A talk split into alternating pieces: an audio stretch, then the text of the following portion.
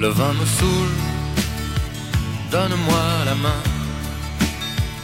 Mes bras s'enroulent. Bonjour mesdames et messieurs och återigen välkomna till ett nytt avsnitt i radioserien Livet i Languedoc med mig Jerker Pettersson här på Tyresöradion. Nu ska vi röra oss norrut från Languedocset och landa i departementet Vienne, nästan mitt i Frankrike. Där finns lantgården La Pomme d'Or som drivs av det svenska paret Eva-Lotta och Peter Råvete. Och alldeles före nyårsafton 2019 fick jag en pratstund med dem på deras Sverigebesök. Direkt över till lilla studion. Le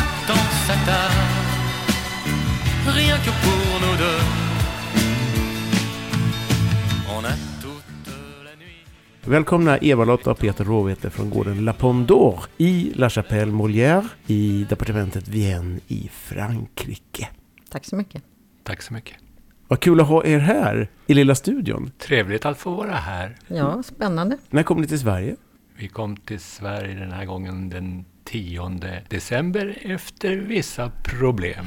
Vissa problem. Ni har ju varit här då, alltså det är den 28 december när vi spelar in, så det har ju varit här i 18 dagar. Va, vad då problem? Nu får du förklara. Jo, i Frankrike, där tycker man om att strejka. När vi skulle åka så var det naturligtvis dags för en generalstrejk igen. Och vårt tåg som vi hade bokat långt i förväg, det gick inte. Det var bara egentligen ett enda tåg som gick från Poitiers till Paris klockan 6.28. Det var tidigt hörru. Det var väldigt tidigt för oss. Vi brukar inte gå upp förrän klockan 10 på morgonen, så det var väldigt tidigt för oss. Och hur långt är det från La Chapelle Molière, där eran gård La Pomme d'Or ligger, till uh, Poitiers? Det är ungefär 20 kilometer, det tar en halvtimme drygt. Ja, att men, men ändå fick ni ta ett hotell då nära stationen Ja. i Poitiers. Vå- Våra grannar brukar hjälpa till och skjutsa oss när vi ska till och från tåget. Ja. Men vi hade inte lust att köra upp dem så tidigt på morgonen. Det, det var ju väldigt vänligt måste jag säga. Men de körde in oss på kvällen.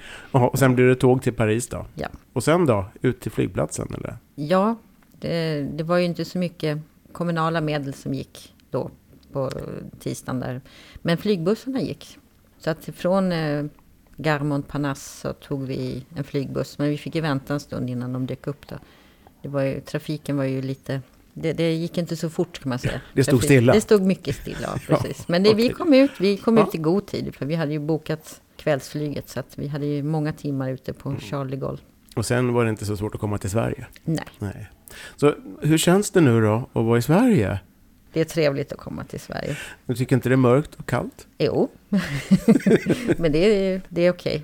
Ska vi berätta var eh, La Pomme d'Or och La Chapelle Molière ligger någonstans i Frankrike? Hur, säger man, hur förklarar man det bäst? Vi brukar säga att vi bor mitt emellan Paris och Bordeaux, ungefär. Mm. Lite, lite närmare Bordeaux än Paris då. Att vi bor strax söder om Loiredalen, nära en stad som heter Poitiers. Och inte så långt ifrån kusten blir det egentligen va? Nej. Eller Nej, det är det inte. hur många mil är det? 12 kanske?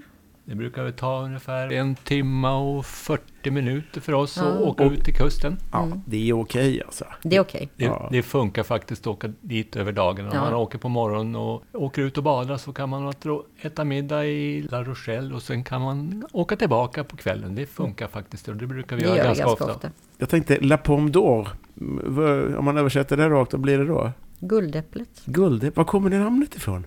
Innan vi köpte så var det ett svenskt par som hade. Jag tror att det var de som döpte det. Det kanske berodde på att det växte så mycket guldäpplen i trädgården. Jag vet inte. Ja, ni har några äppelträd va? Ja, ja, vi har mindre nu sen vi byggde poolen, men vi har fortfarande några kvar. Ja, och andra är eh, fruktträd också, eller hur? Mm. Plommon, körsbär, eh, valnötter, Fikon, fikon, päron, så har vi päron. Vi har en hel del att Mm. ta hand om. Och hur stor är eh, gården eller trädgården man ska beskriva den?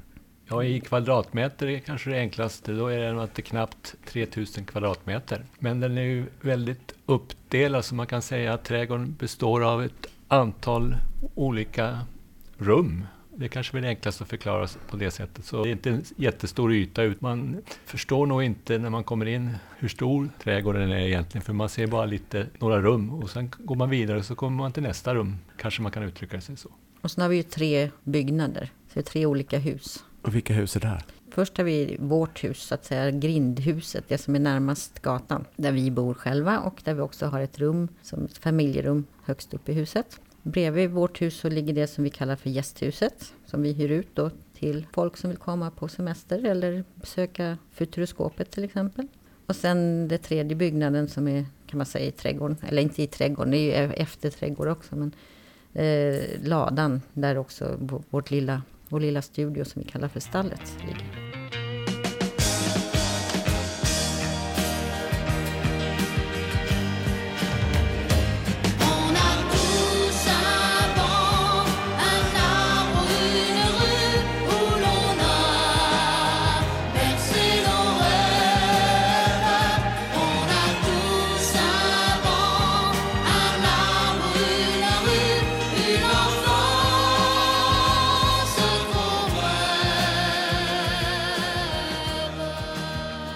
Driver alltså det här La Pomme d'Or är som en, man säger på svenska, eller swinglish säger man bed and breakfast. Ja, fast egentligen är det ju inte bed and breakfast. Det är ju mer att vi hyr ut semesterboende. Ja. För vi har ju inte frukost med automatik i innan man bokar. Men man kan få det? Man kan få frukost, ja. Om man är riktigt snäll och ber om det så, så kan vi fixa det. Då, då, ställer du upp och bak, bakar lite grann på morgonen då? Ja, då går jag upp till och med före klockan tio. Och, oj, oj, oj. och folk begär frukost. Nej, nu för tiden så går vi, vi behöver inte baka, vi kan gå till vår lilla baguettemaskin och köpa några baguetter innan Som frukost. finns i byn La Chapelle Moria, den har vi sett. Hur många rum, eller ska vi säga så, hur många sovplatser som ni kan hyra ut, finns det? 20 blir det väl totalt. Mm, det stämmer, mm. om vi räknar alla mm. sängplatser så blir det faktiskt 20 stycken. 20 mm. stycken. Så det är några stycken och sängar att bädda mm. när vi har gäster som kommer och går. Och i år så är det 2019 nu. Ja. Och när var det ni köpte det här gården? Vi flyttade in till påsken 2006, april 2006. Så ni är inne på, det är 13 år? Ja, det blir 14 nu till i april. Mm. 14 år. Ja. ja 20 eh, gästsängar. Mm. Om man börjar multiplicera, hur många människor har passerat på La Pomme ja, Vi skulle kanske ha räknat på det. Men det, det är nog ganska många. Det är väldigt många. många. Väldigt många. Mm. Och var kommer människorna ifrån? Ja, de kommer från, det kan vi säga, i princip i hela Europa framför allt. Skandinavien och eh, England, Tyskland, Belgien, Holland, Spanien, Italien. Det är väl framförallt. Och Frankrike, Frankrike naturligtvis. Frankrike är ju störst. Många fransmän. Som... Mycket fransmän har vi nu. Mm. Inte i början. Det, det, har ökat med åren. Och nu är det nog flest fransmän. Hur hittar de? Ja, vi är med på olika sidor som Booking.com, HomeAway, Expedia och så vidare. De flesta, stannar de en eller natt eller är det liksom flera veckor eller hur ser det ut? Det är ganska olika beroende på vilken tid på året. På sommaren så hyr vi bara ut för gästhuset exempelvis veckovis. Och de andra boendena kan man boka per natt.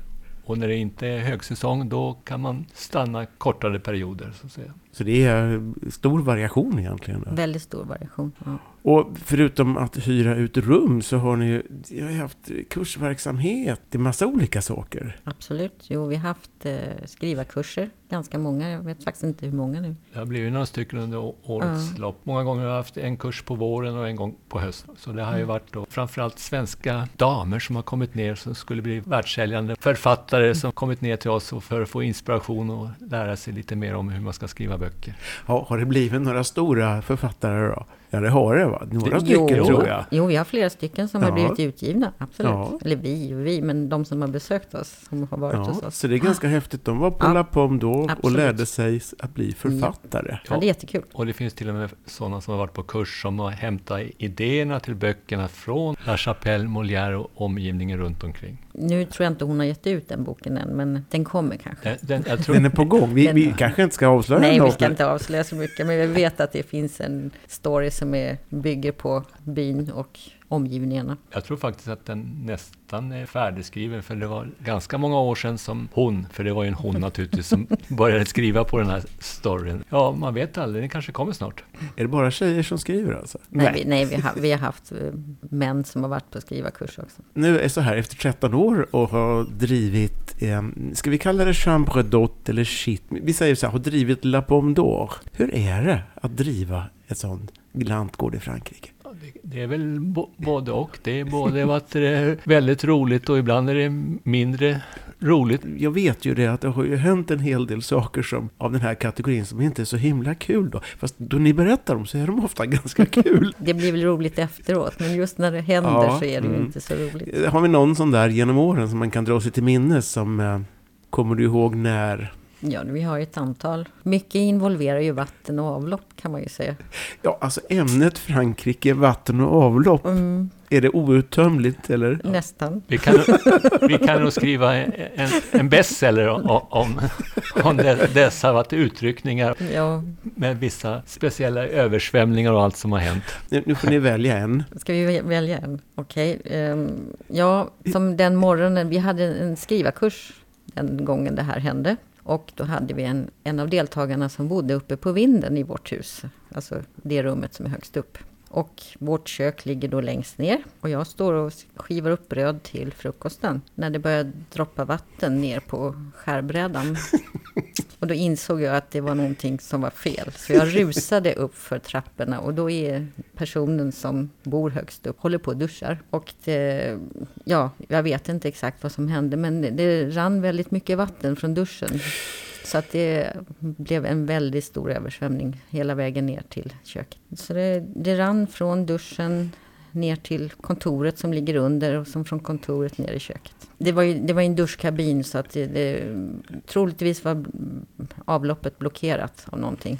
Så att det steg ju i det här duschkaret och sen rann det hela vägen ner. Och personen fortsatte bara att duscha Ja. och var glad i hågen fast vattnet M- svämmade. Märkte ingenting. Och hon insåg nog kanske inte vad, vad det var som hände. Hon blev väldigt chockad när jag bankade på dörren i alla fall. Ämnet vatten och avlopp är som sagt var outtömligt. Jag tror också att, visst är det så att de här rördragningarna för avloppet inte är den här dimensionen som vi är vana i i Sverige, eller? Det, Det, det är nog bo, bo, Både och. och. Framförallt i gästhuset där vi har haft mest gäster. Där har vi haft väldigt smala avloppsrör. För att lösa problemen så har man haft sådana kvarnar på toaletterna som maler sönder det som går ner i toaletten och att innan det skjutsas iväg i, i avloppen. De där kvarnarna är väldigt känsliga och det finns ju vissa personer, jag ska inte ge några namn nu, men som att det stoppar vissa saker i toaletten som inte ska gå ner i toaletten och då fastnar de sakerna i den här kvarnen och då blir det lite små översvämningar ibland som inte är så trevliga för det kanske inte är det renaste vattnet som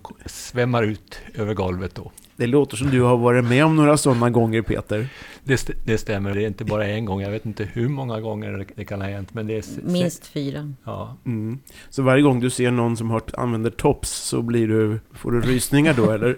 det, det kan man nog säga. Och vi har haft barn som har stoppat ner och spolat ner plastbitar i den här toaletten också som har, fastnat. Så det har inte varit så lysande alla gånger heller. Allt kan hända. Men inte längre. Vi byggde om de toaletterna förra året så att det satte i riktiga rör och nu är kvarnarna ett minne blott. Enfin, j'ai ma maison, j'ai mon jardin, mon chat, mon chien et ma barrière.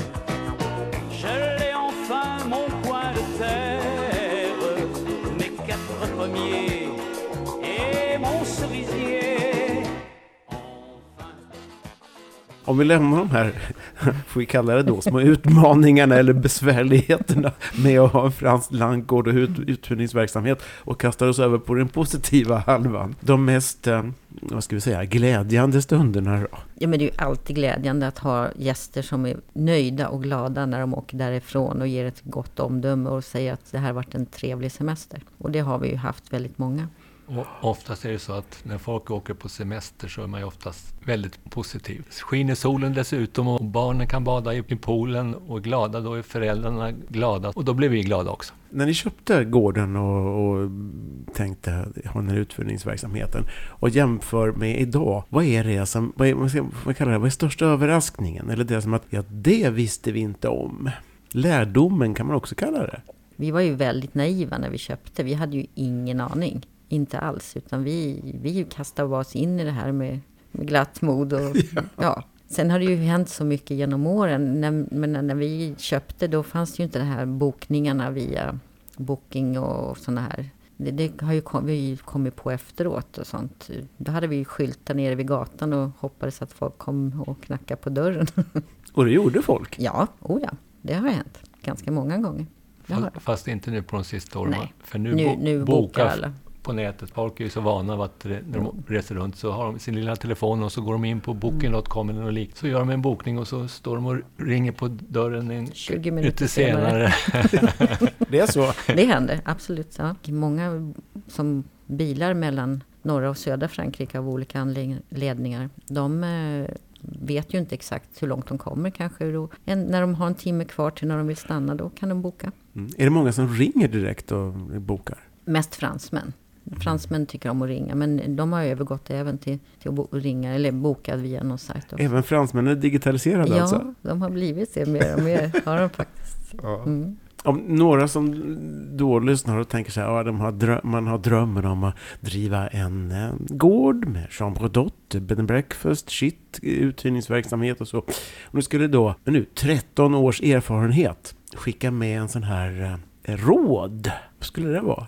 Hoppa ut i det okända, lev dina drömmar. Man vet aldrig när det kan vara för sent. Nej, men skämt åsido så ska man väl kanske titta lite grann på området, vad området har erbjudit och vad det finns för andra aktörer i området och titta lite grann på prisbilder och, och sådana saker. För det är ju viktigt att det kanske finns någonting som drar i närområdet förutom att på sommaren när det är fint väder och solen skiner och poolen är öppen, då kanske det är lättare att hyra ut. De övriga årstiderna så, att säga, så kommer ju inte folk kanske för att sola och bada utan det måste finnas någonting annat i, i området som drar folk dit. Och vi har ju haft lite tur det var ingenting som vi visste när vi köpte La Pomme d'Or att ungefär 20 minuter från La Pomme d'Or så finns det en, kan man kanske kalla det en nöjespark, attraktionspark som heter Futuroskopet. Le Futuroscope. Le Futuroscope som det heter på franska. Som, som är, jag tror att det är andra eller tredje största nöjesparken i Frankrike. Man räknar till antalet besökare efter Disney är ju störst i Paris. Sen finns det någonting som heter Puy de Fou och Asterixparken och sen Futuroskopet. Så, jag, Men jag tror Asterix är mindre. så det kommer ju då folk till det här Futuroskopet året runt, för de har öppet året runt.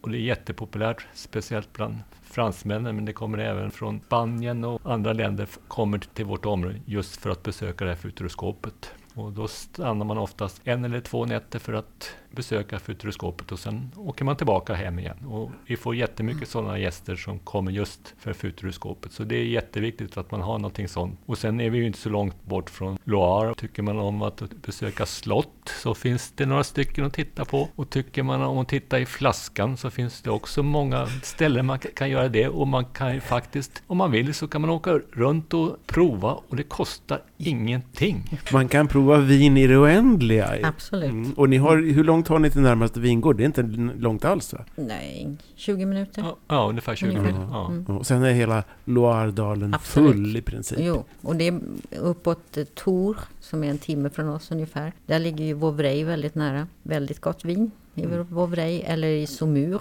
också. Där är ju mycket mousserande vin också. Kanske en och en halv timme till Saumur. Och Chinon. Så Ja. vi, vi har mycket bra vinområden som inte ligger allt för långt bort. Och det här är ju verkligen hjärtat i Frankrike. Va? Ja, kan man säga. det känns så. Och så är det då bara, vad sa vi nu då? 12 mil till kusten. Ungefär. Där ostronen står som spön i backen. Japp. Och ostron kostar ju inte lika mycket som de gör i Stockholm. Man kan ju kanske få nästan ett dussin ostron som, mot vad det kostar på Hötorgshallen för att köpa ett eller två ostron. Så, Alltså, En viss skillnad. En viss skillnad. Mm. ja, så tycker man om ostron så ska man absolut besöka vårt område. La mer qu'on voit danser le long du golfe clair a des reflets d'argent. La mer. Des reflets changeants sous la pluie. La mer. För att ta sig till La Pomme d'Or, hur färdas man om man kommer från Sverige? Som vi brukar göra, vi flyger ju till Paris. Och sen tar vi tåget ner till Poitiers, TGV-tåget. Och nu, de har ju byggt en ny dragning på den. Så att om man tar det snabbaste tåget, då är det en timme och 20 minuter till Paris. Det är snabbt. Det är snabbt. Och det är det- väldigt bekvämt. Och det är i alla fall ett avstånd på, tror jag, 32 mil. Och åka det på en timme och 20 minuter, då förstår alla att det går Det går- lite snabbare än att åka bil. Det går undan alltså. Det går undan. Och det här eh, tåget går då från eh, flygplatsen Charles de Gaulle också, eller? Och det tar lite längre tid. Det här 1.20 det är till eh, Gare Montparnasse. Får man ta sig från Charles de Gaulle in och Ja. sen, men det är ju inte så svårt. Nej, men man kan även ta ett tåg som går direkt till Charles de Gaulle. Men då brukar det ta två timmar och 20 minuter. För runt Paris går det lite långsammare. Men det kan ju vara trevligt att åka tåg i Frankrike också. Det är väldigt trevligt att åka tåg i Frankrike. Det är bekvämt. Det är väldigt bekvämt. Ja.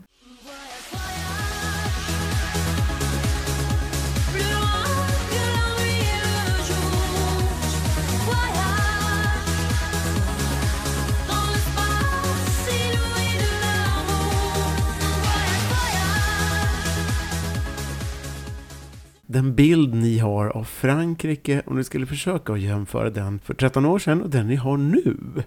Jag, jag tror inte jag hade så mycket bild av Frankrike innan egentligen. Den bilden vi hade, det var en farbror med baguette un- under armen liksom, ungefär. Och att man hälsade på varandra hela tiden. Ja, så är det Bonjour. också. Ja, bonjour. Men det finns, det finns så mycket annat, så ibland kanske man retar sig på fransmännen när de håller på med alla sina strejker. Det verkar som att man bara ska strejka för att man ska strejka. Det är ju någonting som inte vi är riktigt vana vid i, i Sverige, men det verkar att det ligger i själen hos fransmännen att protestera. Å andra sidan så tycker jag att jag upplever nu att vi är mer lika än olika. Förutom det här med att strejkandet då. Du menar eh, Sverige och Frankrike? Ja, kanske ser att vi, vissa saker fungerar bättre i Sverige och vissa saker fungerar sämre i Sverige jämfört med Frankrike. Och det, den uppfattningen hade man ju inte riktigt innan. Allt som har varit med sjukvård och söka läkare och få läkartider och få komma till specialister som vi har upplevt det, det fungerar ju mycket bättre än att det gör i alla fall i, i Stockholm. Så det finns för och nackdelar med både Sverige och Frankrike? ja absolut så är det. Frankrike är ju lite speciellt. Antingen är de långt framme eller- så tycker vi att de är långt efter en eller andra. För man är någonting som att fransmännen var väldigt tidiga med, det är den här bärbara kortterminalen. Den har ju funnits i Frankrike, jag vet inte hur länge, säkert 30 år. Och den kom ju till Sverige för inte allt för länge sedan. Utan i Sverige fick man lämna iväg sitt kreditkort och så gick de någonstans och stämplade in. Men i Frankrike har man haft den här bärbara jättelänge.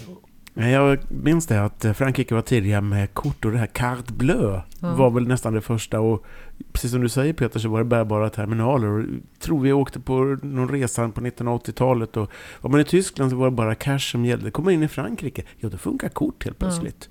Och där var de tidiga då. Det är lite paradoxalt att de då håller på med mynt idag. Precis, så är det. Frankrike motsättningarnas land. Det är motsättningens land. Ja. Nu har ni ju blivit ganska franska av er då efter 13 år va? Nej, tycker du? Nej.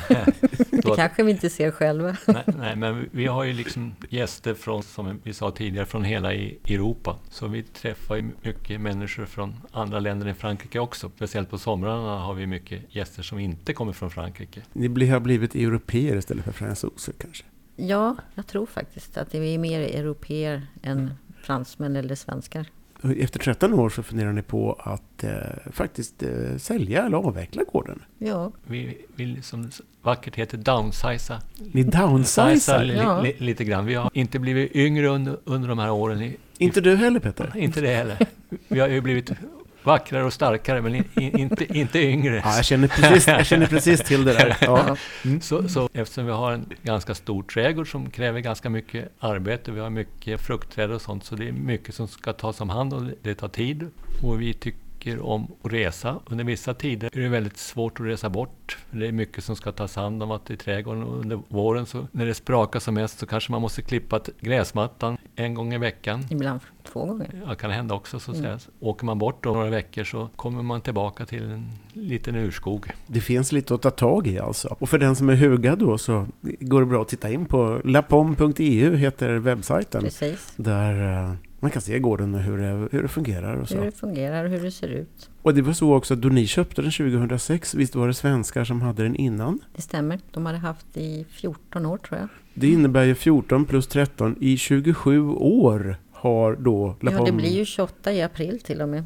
Till och med det. Mm. I 28 år har Mm. Lapom då varit svenskägt och Japp. svenskdrivet. Ja, stämmer. Man kan väl kalla det för inarbetat då va? Det är inarbetat. Ja, absolut. Jo, men det är det. Det känns som det har blivit väldigt inarbetat under åren här. Då får vi se vad 2020 har i, eh, händelser. Absolut, det är spännande. Det kan dyka upp någon som helt plötsligt säger det där vill jag ha. Ja, vi får se. Ska vi Det säga gott nytt år? Gott nytt 2020 får vi väl säga. Där eh, det kanske kommer någon som vill eh, ta över efter er. Det vore ju kul om det vore svenskar.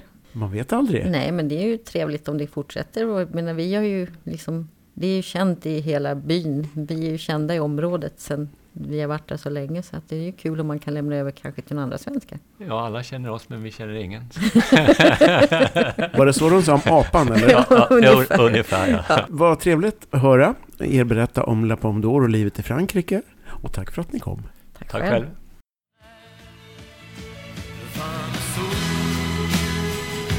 Vin de Sceaux, donne-moi